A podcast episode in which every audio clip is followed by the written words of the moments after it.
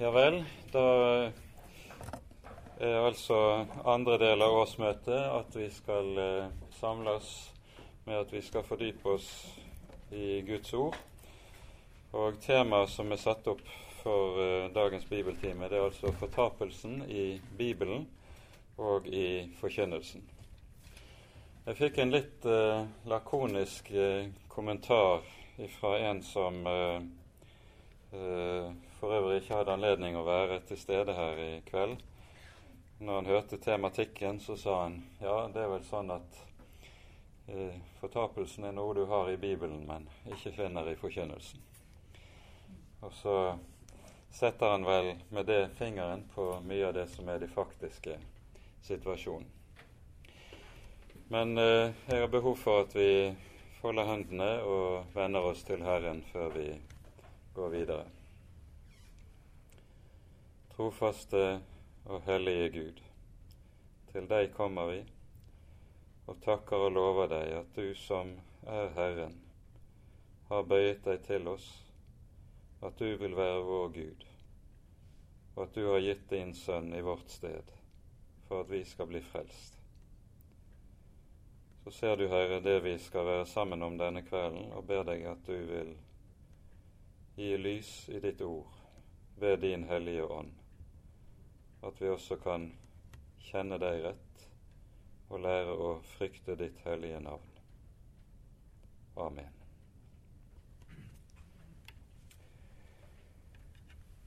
Før vi går inn i selve temaet, så har jeg lyst til bare å minne om at det temaet som vi har for oss i kveld, det var jo noe som 50, på 50-tallet var en veldig eh, svær offentlig strid om.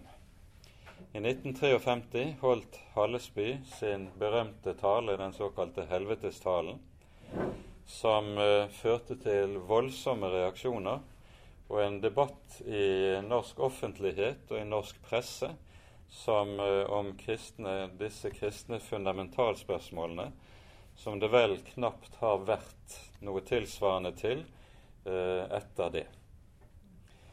Eh, Nokså raskt etter talen gikk biskop Skjeldrup i Hamar bispedømme ut med en ganske skarp reaksjon på Hallesby sin tale der han sa at uh, for hans vedkommende stridde det mot troen på den kjærlige Gud, at Gud også kunne være en som kastet noe menneske i fortapelsen. Og Schjelderups utspill ble da startskuddet til den voldsomme striden som kom da ikke bare i 53, men i flere påfølgende år. Eh, til spørsmålet ble det jo utgitt en rekke bøker.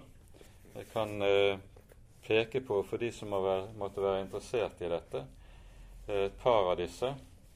Eh, først 'Bakenfor inferno' av brødrene Sverre og Leif Aalen, som kom et par år etter debatten var som på det heteste.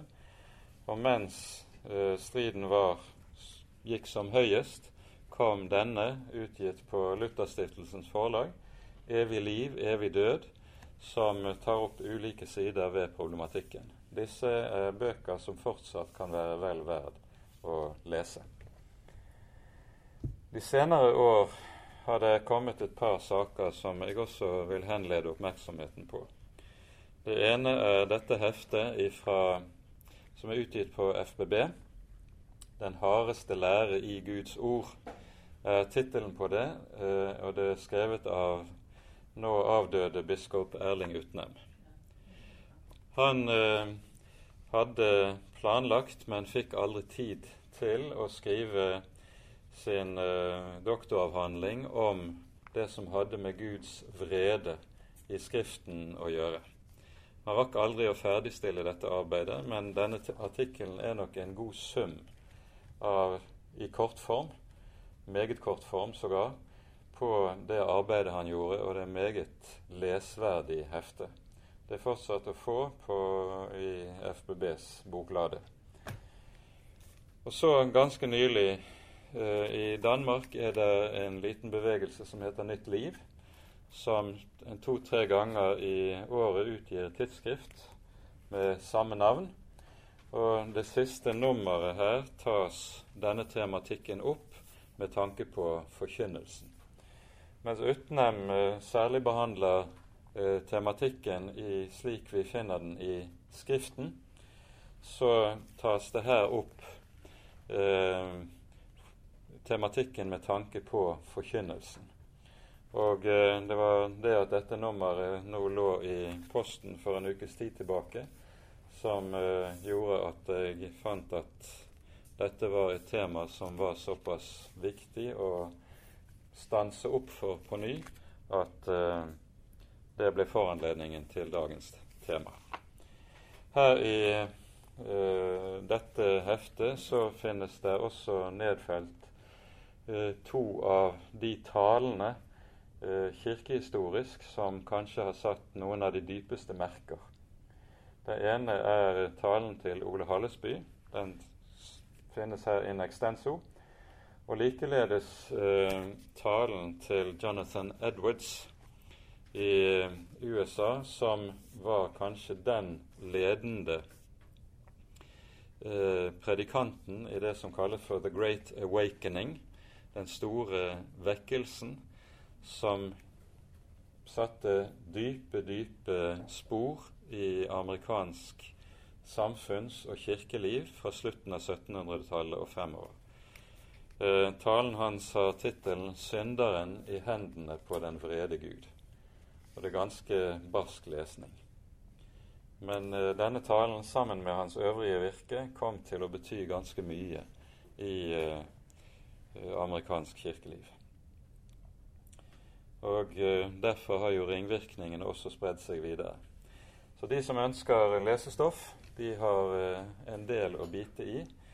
Men det er ikke ellers så veldig mye om denne tematikken av moderne litteratur. En må som regel gå noe tilbake rent historisk. Jeg vil innlede med at vi siterer noen ord fra vår Herre Jesus som vi finner i Lukas 12, der det lyder slik i vers 4 og vers 5. Til dere, mine venner, sier jeg, frykt ikke for dem som slår legemet i hjel og deretter ikke kan gjøre mer. Jeg vil vise dere hvem dere skal frykte. Frykt for ham som har makt til å slå i hjel, og til deretter å kaste i helvete. Ja, jeg sier dere, ham skal dere frykte. Det barske ord som jeg tror vi ikke veldig ofte hører forkynt over, eller lest fra Den hellige skrift. Ser vi på Det nye testamentet, så vil vi der se at det ordet som oversettes med 'helvete', det er det ordet som vi eh, nesten utelukkende finner i vår Herre Jesu munn. Eh, elleve ganger finner vi dette i evangeliene og utenom dette én gang i Jakobsbrevet. Men eh, det er ellers altså kun i Jesu munn vi finner dette. Men Jesus har altså talt meget tydelig om helvete, geenna, på gresk, eh, som er en, eh, altså en forgresking av det hebraiske gehinom, Hinnoms dal. Eh, bakgrunnen for begrepet det er jo at i eh, kongetiden i Det gamle testamentet så ble det, når Israel var som sterkest påvirket av kanonittisk religion og gudsdyrkelse, så ble det også drevet barneofringer i dalføret syd for Jerusalem Hinnoms dal. Og eh, eh, når Israel vender tilbake fra eksilet, så blir dette området regnet som eh, absolutt urent pga. denne historikken, og anvendes da som avfallsplass for Jerusalem, der avfall fra byen ble brent, og der derfor det stadig steg opp stank og røk fra dette området. Og så blir dette det billedlige uttrykket for helvete. Selve tankegangen, eller det bibelske begrepet som ligger i bunnen under dette, det har vi et bakteppe for også i Det gamle testamentet. Der det jo er slik at ilden er gjennomgående uttrykk for Guds vrede. Dette ser vi gjennom hele Det gamle testamentet, og noen eh, tekster, kanskje særlig hos Jesaja og noen av de senere profetene, er veldig sterke i så måte. I eh, Jesaja 30, vers 33 leser vi følgende.: For et ildsted er laget i stand for lenge siden. Også for kongen er det laget i stand, dypt og vidt. Bålet har ild og ved i mengde, som en svovelstrøm tenner Herrens ånde det i brann. Og litt lenger nede i kapittel 31 står det følgende om Herrens dom.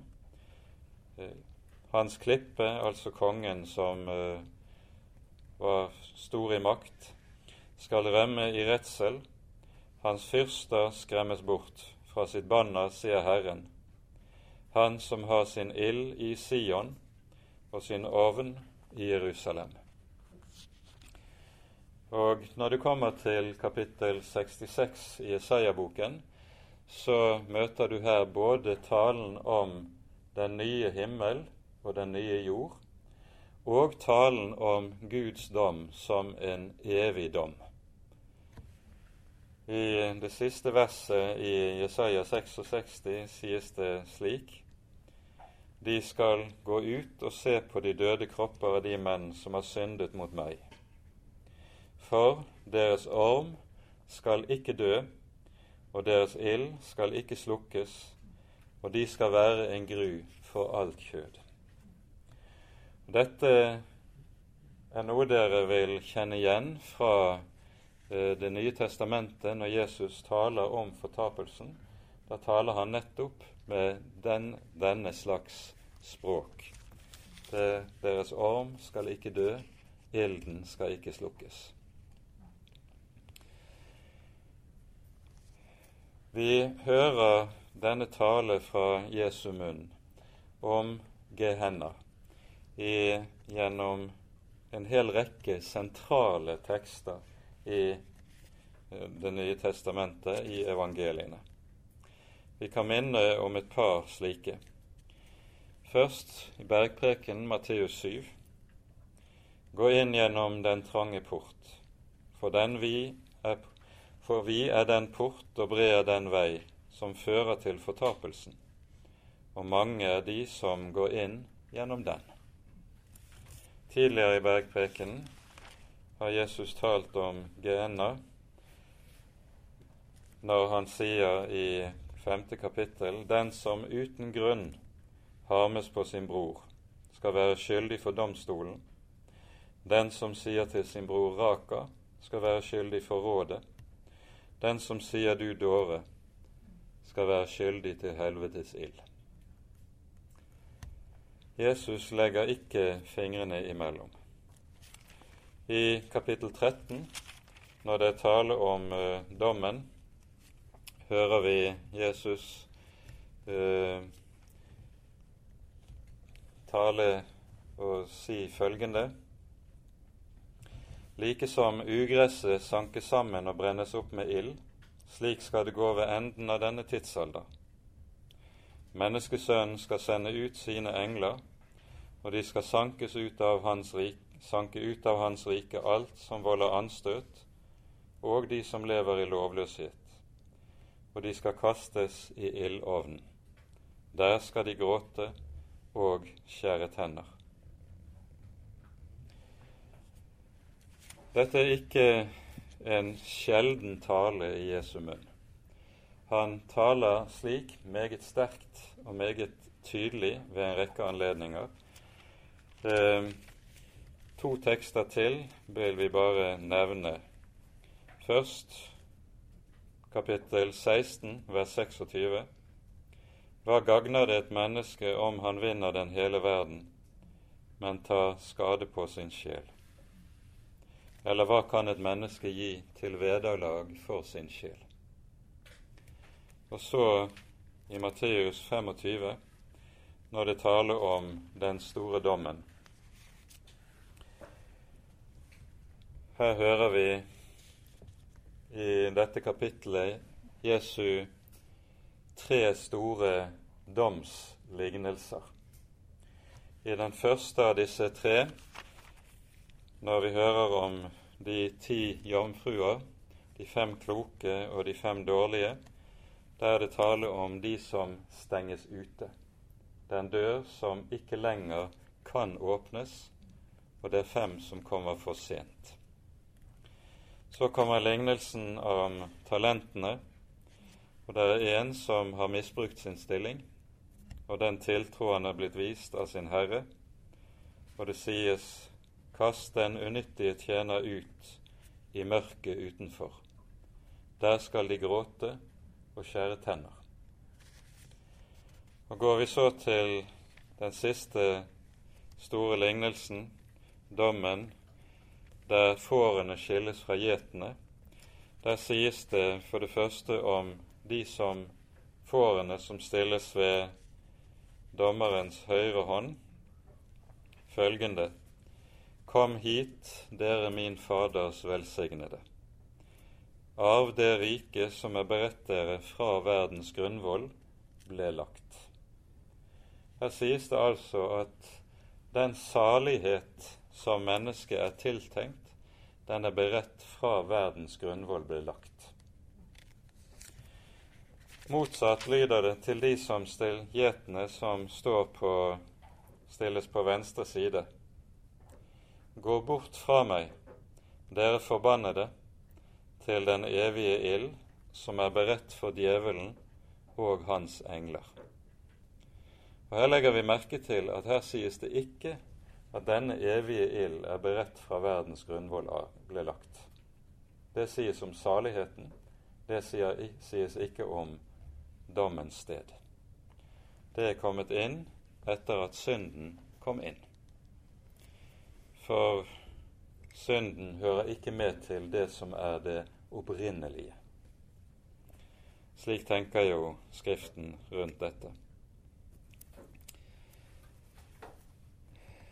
I Illustrert norsk bibelleksikon er det en ganske omfattende artikkel om eh, begrepet fortapelse i Bibelen.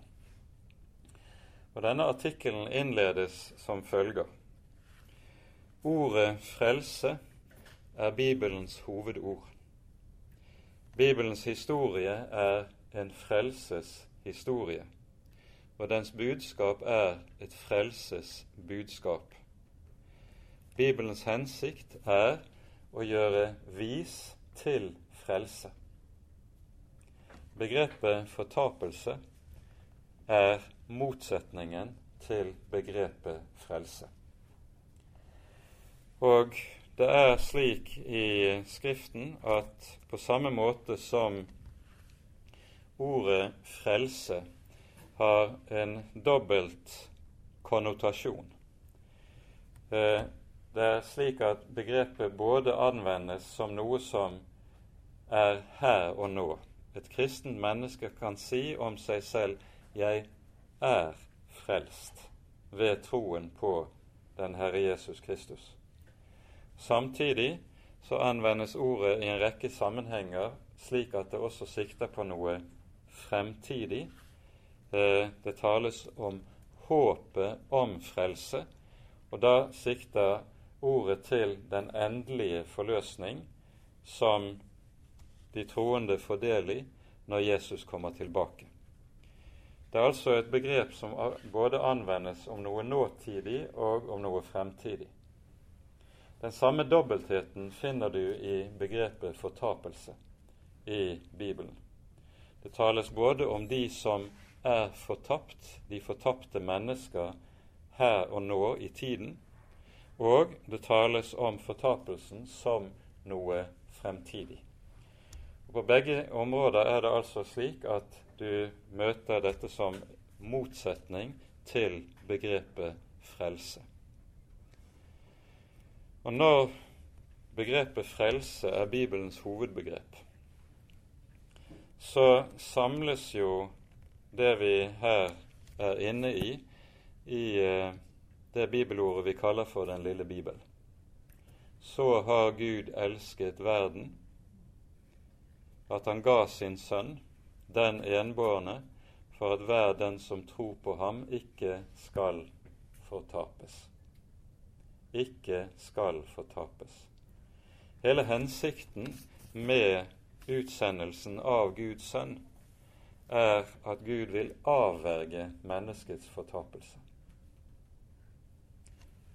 Men Bibelen taler altså med dypt, dypt alvor ikke bare om fortapelsen som en mulighet, men om fortapelsen som en realitet. Bakgrunnen for dette ligger i Bibelens tale om den vrede Gud. Og Det som vi jo er inne i med dette, er eh, hovedbegreper i Skriften som i, ser ut til å i, i uhyre liten utstrekning eh, få lov til å lyde i dagens forkynnelse. Du hører ikke megen tale om Guds vrede. Du hører knapt noen forkynner tale om helvete, slik Jesus taler om det. Du hører knapt tale alvorlig der tales alvorlig om fortapelsen. Det nevnes kanskje muligens i forbifarten. Og det ser ut til at det som i økende utstrekning har gjort seg gjeldende i store deler av kristenheten, er at man mer og mer har fått et gudsbilde som er humanistisk, der Gud blir en snill og vennlig bestefar som ikke tar det så nøye. Med dette så underslås Bibelens budskap om den hellige Gud. Og eh, slike bibelsteder som vi her har pekt på og lest opp fra, det er noe som eh, veldig mange kristne ser ut til å møte med stor forlegenhet. Man ber nesten om unnskyldning på, Gud, på Guds vegne for at noe slikt i det hele tatt står i Den hellige skrift. Og likevel det er ingen som har talt så alvorlig om disse ting som den Herre Jesus selv har det. Og så er det dette som jo er hele bakteppet for det bibelske frelsesbudskapet. Mennesket er, så lenge det går sine egne veier, så er det fortapt. Mennesket er, så lenge det er, går sine egne veier, så er det under Guds vrede. Og Derfor sier også Paulus uttrykkelig i Efeserbrevets eh, annet kapittel, eh, når han taler om det naturlige mennesket, at vi av naturen er vredens barn. Det er en hebraisk uttrykksmåte som betegner det at vi er, er av naturen slik at vi står under Guds vrede. Det er ikke noe som mennesket like som tilfeldig er kommet inn under, men av naturen, skriver apostelen Paulus. Og når romerbrevet begynner etter at sitt innledende avsnitt, så begynner romerbrevet i kapittel 1,18 med som følger Guds vrede åpenbares fra himmelen over all ugudelighet og urettferdighet hos mennesker som holder sannheten nede i urettferdighet. Talen om denne Guds vrede som åpenbares, og som Paulus da omtaler og utlegger hva det innebærer, det er bakteppet for det frelsesbudskap som så forkynnes lenger ute i romerbrevet fra kapittel 3 av. Vreden, helvete og fortapelsen. Det er grunnbegreper i Skriften som alle sammen hører sammen. Men som mennesker ikke liker å høre, som man rømmer unna, og som man helst vil eh, skyve fra seg. I teologihistorien er det sånn at du møter en rekke forsøk på å bortforklare eh, dette alvor som Bibelen her legger frem for oss. Og Det er to eh, grunntyper av dette som dukker opp igjen og igjen i teologihistorien. Det ene er det som kalles for apokatastasis-læren. Læren om alle tings gjenopprettelse, som vi først i kirkehistorien finner hos Origenes, og som altså dreier seg om at eh, i enden så vil alt bli gjenopprettet. Alt vil bli godt, slik som det var i begynnelsen, og det vil ikke være noen fortapelse eller noe ondt. Selv djevlene og de onde engler vil så å si bli snudd om, og så vil det være et evig paradisisk tilstand. Dette er apokatastasis-læren.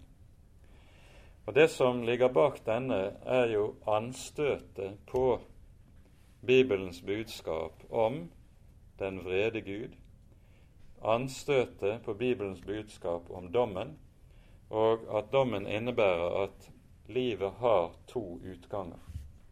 Enten evig liv eller evig død.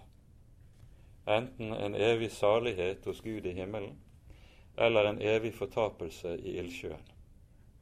Det er dette forferdelige enten-eller som står der så skarpt. Den andre eh, forklaringsmodellen der man prøver å komme unna dette Bibelens alvor på, det finner vi i den såkalte annihilasjonslæren. Læren om at eh, den evige død egentlig betyr en evig tilintetgjørelse.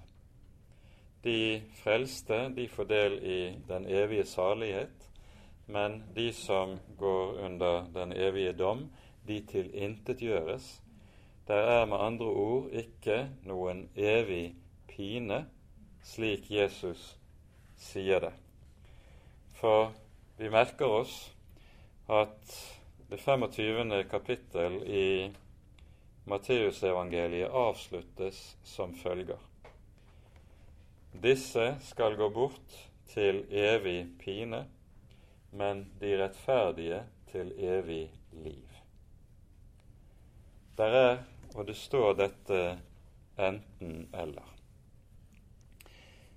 Eh, til støtte for den såkalte annihilasjonslæren så har eh, man prøvd å eh, dra frem dette at begrepet 'evig' i en del sammenhenger i Skriften ikke betyr evig i vår betydning av ordet, men betyr en eh, tidsepoke. Det hebraiske ordet kan bety det.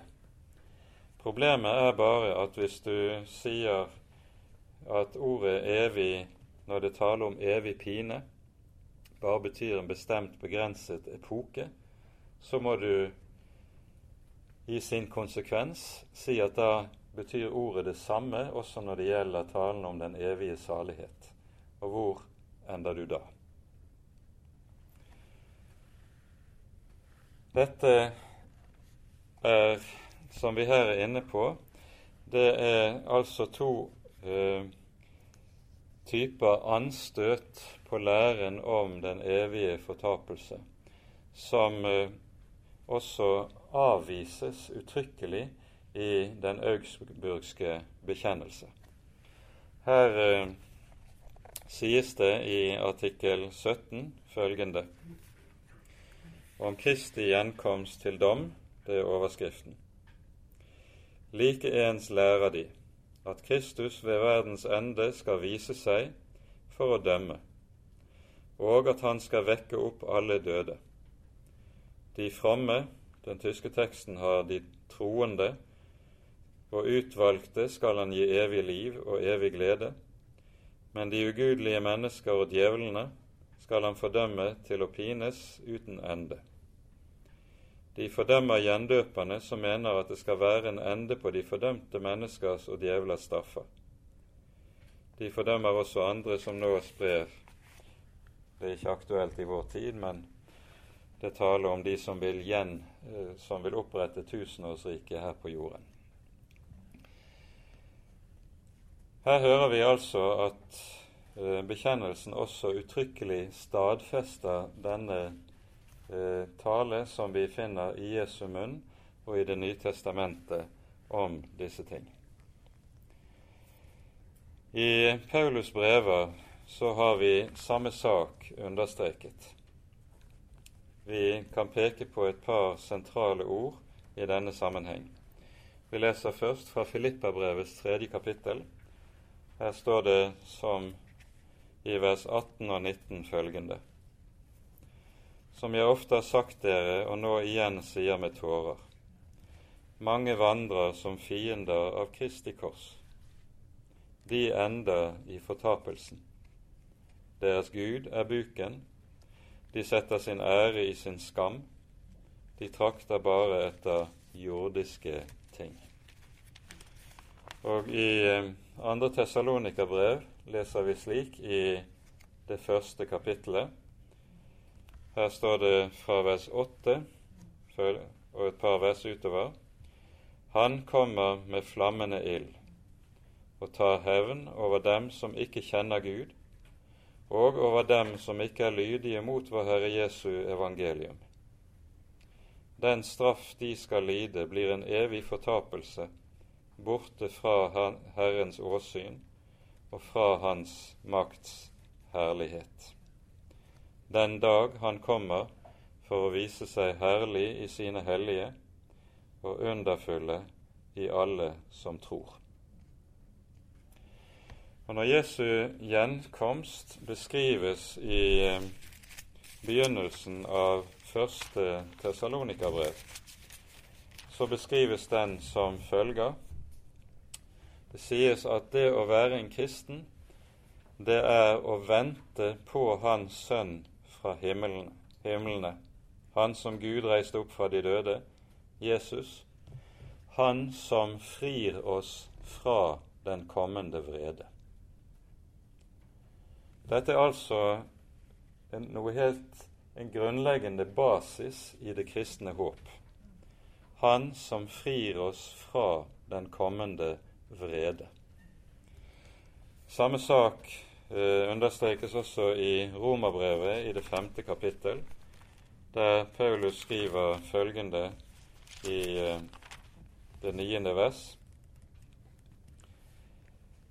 Hvor meget mer skal vi da, etter at vi er rettferdiggjort ved Kristi blod, ved ham bli frelst fra vreden? Det er altså tale om en vrede som kommer, det er tale om den Guds dom som en dag skal gå over verden. Og så sies det meget uttrykkelig at det som gjelder den kristne menighet, det er at de venter på Ham som frir oss fra den kommende vrede. I tråd med dette møter du uhyre skarpe og uhyre drastiske uttrykk i en rekke sammenhenger i Det nye testamentet. Når hebreerbrevet advarer eh, sine adressater mot frafall, så sies det det er forferdelig å falle i den levende Guds hender. Her legges ikke fingrene imellom. Det tales meget direkte om hva det innebærer. Det som vi også skal legge merke til i eh, bl.a. teksten vi har lest fra 2. Tessalonika-brev, det er at troen på den Herre Jesus er helt sentral i forhold til Bibelens tale om det å frelses fra vreden, fris fra fortapelsen. Allerede i Johannesevangeliet sies det i det siste verset i kapittel 3 Den som tror på Sønnen, har evig liv. Den som ikke vil tro på Sønnen, over ham blir Guds vrede. Det er samme sak som understrekes også i denne sammenhengen. Det innebærer da også at vantroen er noe av det helt sentrale i den slutt, sluttgyldige dommen, i det det er slik at det vantroen i realiteten innebærer når en forkaster Guds sønn, det er at en dermed også forkaster Guds kjærlighet. Å forkaste Jesus er å forkaste Guds kjærlighet. Det er å forkaste Guds frelsesåpenbaring. Det er å forkaste Guds nåde. Og hva står da tilbake? For Guds kjærlighet er åpenbart ett sted, i Sønnen på korset. Guds nåde er åpenbart ett sted, i Sønnen, i soningen som skjer på korset. Det er der frelsen gis og skjenkes, ikke noe annet sted, ikke på noe annen måte. Og Forkaster du dette, så forkaster en Guds nåde, Guds kjærlighet, Guds godhet og Guds miskunnhet. Og da står utelukkende dom tilbake.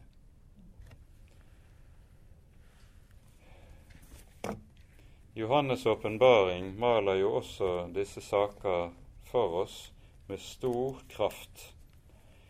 Og dommen munner ut i det som lyder til oss i det tyvende kapittel i åpenbaringsboken, der vi hører dommen over verdensriket, over dyret, over dragen som kastes i ildsjøen, sammen med alle som har fulgt disse. Det er samme sak i dette hele veien. Og så er det at Bibelen på denne måten holder frem for oss det dype, dype alvor i å ha med en hellig Gud å gjøre. For det at Gud er den hellige, det innebærer dette at synden er noe som er den hellige Gud utålelig. Og Bibelens tale om den vrede Gud, det er uttrykk for hellighetens reaksjon på det onde. Slik har vreden vært beskrevet, og det er nok en treffende beskrivelse av Bibelens tanke om dette. Guds vrede er Guds hellighets reaksjon på det som er ondt. Guds vrede er ikke hissighet.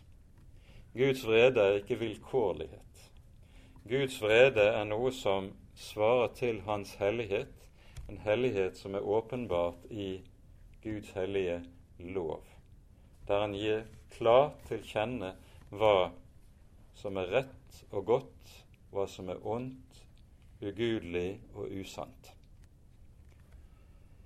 Og Derfor er det også slik at ikke minst i luthersk teologi så har loven vært sett på som så å si eh, noe av sentralpunktet i Guds vredes åpenbaring. Dette sies jo også veldig tydelig i Romerbrevets fjerde kapittel, der det står at loven virker vrede.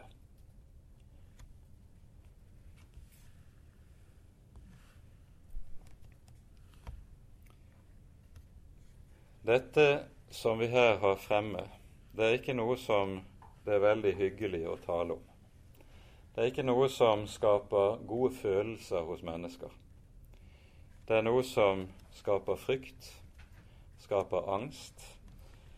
Og det ser ut til at Jesus slett ikke er redd for å tale på en måte når det gjelder alvoret i å ha med den hellige Gud å gjøre, på en sånn måte at det nettopp kan skape frykt og beven. Jeg vil si dere hvem dere skal frykte, sier han. Frykt ikke for dem som slår legemet i hjel, men frykt for ham som kan ødelegge sjel og legeme i helvete. Dette er altså noe som ser ut til i, en stor, i stor grad å forties i moderne forkynnelse. Det fører med seg en rekke ulike konsekvenser, men vi vil her peke på et par viktige saker når det gjelder forkynnelsen rundt dette. Og Da vil jeg først peke på det som står i 2. Peters brevs tredje kapittel. Her er spørsmålet hvorfor drøyer Jesus med sin gjenkomst? Hvorfor tar det så lang tid før han kommer? Og så sies det i vers 9 i 2. Peter 3.: Herren er ikke sen med løftet, slik noen holder det for senhet men han har tålmodighet med dere. For han vil ikke at noen skal gå fortapt, men at alle skal komme til omvendelse. Sammen med dette hører det sentrale ordet i 1. Timotius brev, eh, kapittel 2, der det sier at Gud vil at alle mennesker skal bli frelst og komme til sannhetserkjennelse. Når dommen ikke har rammet, så er det på grunn av Guds langmodighet. Han ønsker at ordet, evangeliet, skal lyde for at mennesker kan bli frelst. Og frelsen er nettopp frelse fra fortapelsen. Det er frelse fra Guds vrede. Det er frelse fra dommen. Det er dette som skal lyde, og som skal få lyde i evangeliet. Og så skriver Peter i sitt første brev om noen taler, han taler som Guds ord. Ikke tale om Guds ord, men altså tale som Guds ord. Er det det vi predikanter gjør? Jeg tror det er et spørsmål som er meget sunt å stille seg selv for enhver predikant. Og taler vi som Guds ord, ikke minst på det området som vi her taler om i kveld.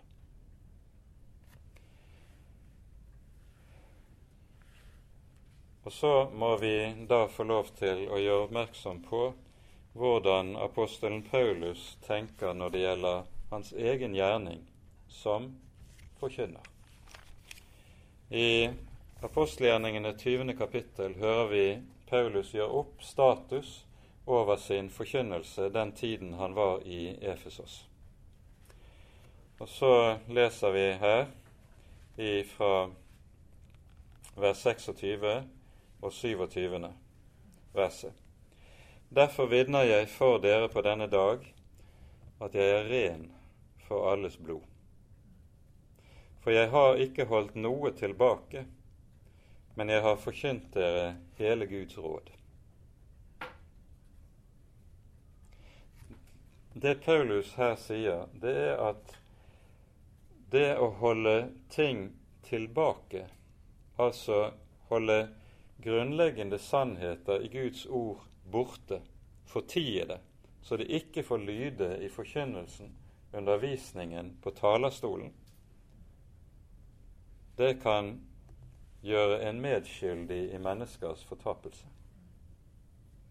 Det er det store alvoret som Paulus her eh, peker på. Og av denne grunn har han altså holdt frem hele Guds råd. Han har ikke fått tid noe. Han har ikke holdt unna noe som mennesker kanskje ville synes var anstøtelig, som mennesker ville synes var ubehagelig å høre på, som mennesker ville reagere fiendtlig imot. Nei, han har forkynt hele Guds råd. Så har det stått der uavkortet, for han vet som apostel at det ord han forkynner, det er ikke hans eget, det er Guds. Og så forkynner han, står han frem som apostel, som predikant og som forkynner, så å si på Guds regning. Ordene Paulus her holder frem, det har sin helt klare bakgrunn i kallelsesfortellingen som vi har fra profeten Esekiel i det tredje kapittel. Ehm, I Esekiel-boken har vi den lengste, den mest omfattende kallelsesberetningen som vi har hos profeten i Det gamle testamentet overhodet. Å lese kapittel 2 og kapittel 3 det er en meget sunn øvelse for enhver predikant. Hør nå hva Herren sier til eh, profeten når han skal forberede på ham på hans gjerning i kapittel 2. Jeg leser fra vers 3. Herren sa til meg, menneskesønn, jeg sender deg til Israels barn, til hedningene, til opprørerne som har gjort opprør mot meg. De og deres fedre har vært troløse mot meg helt til denne dag til barna med de frekke ansikter og de harde hjerter sender jeg deg. Og du skal si til dem, så sier Herren. Enten de hører det eller lar være, for en gjenstridig ett er de, så skal de vite at en profet har vært midt iblant dem. Men du menneskesønn, frykt ikke for dem, og frykt ikke for deres ord for nesler og tårner er du omgitt av. Og mellom skorpioner bor du, frykt ikke for deres ord. Bli ikke forferdet for deres åsyn, for en gjenstridig ett er de. Du skal tale mine ord til dem, enten de hører det eller lar være. For gjenstridige er de. Altså, Gud forbereder Esekiel på hva slags reaksjon han kan forvente seg på det budskap han settes til å bære frem. Han er altså en som ikke skal regne med at folk tar han i hånden når han har talt, og sier det var en god tale. Han vil høre det stikk motsatte. Han vil ikke kunne forvente at folk sitter og nikker med hodet og syns ja, dette var rørende godt. Det er det motsatte han skal være forberedt på.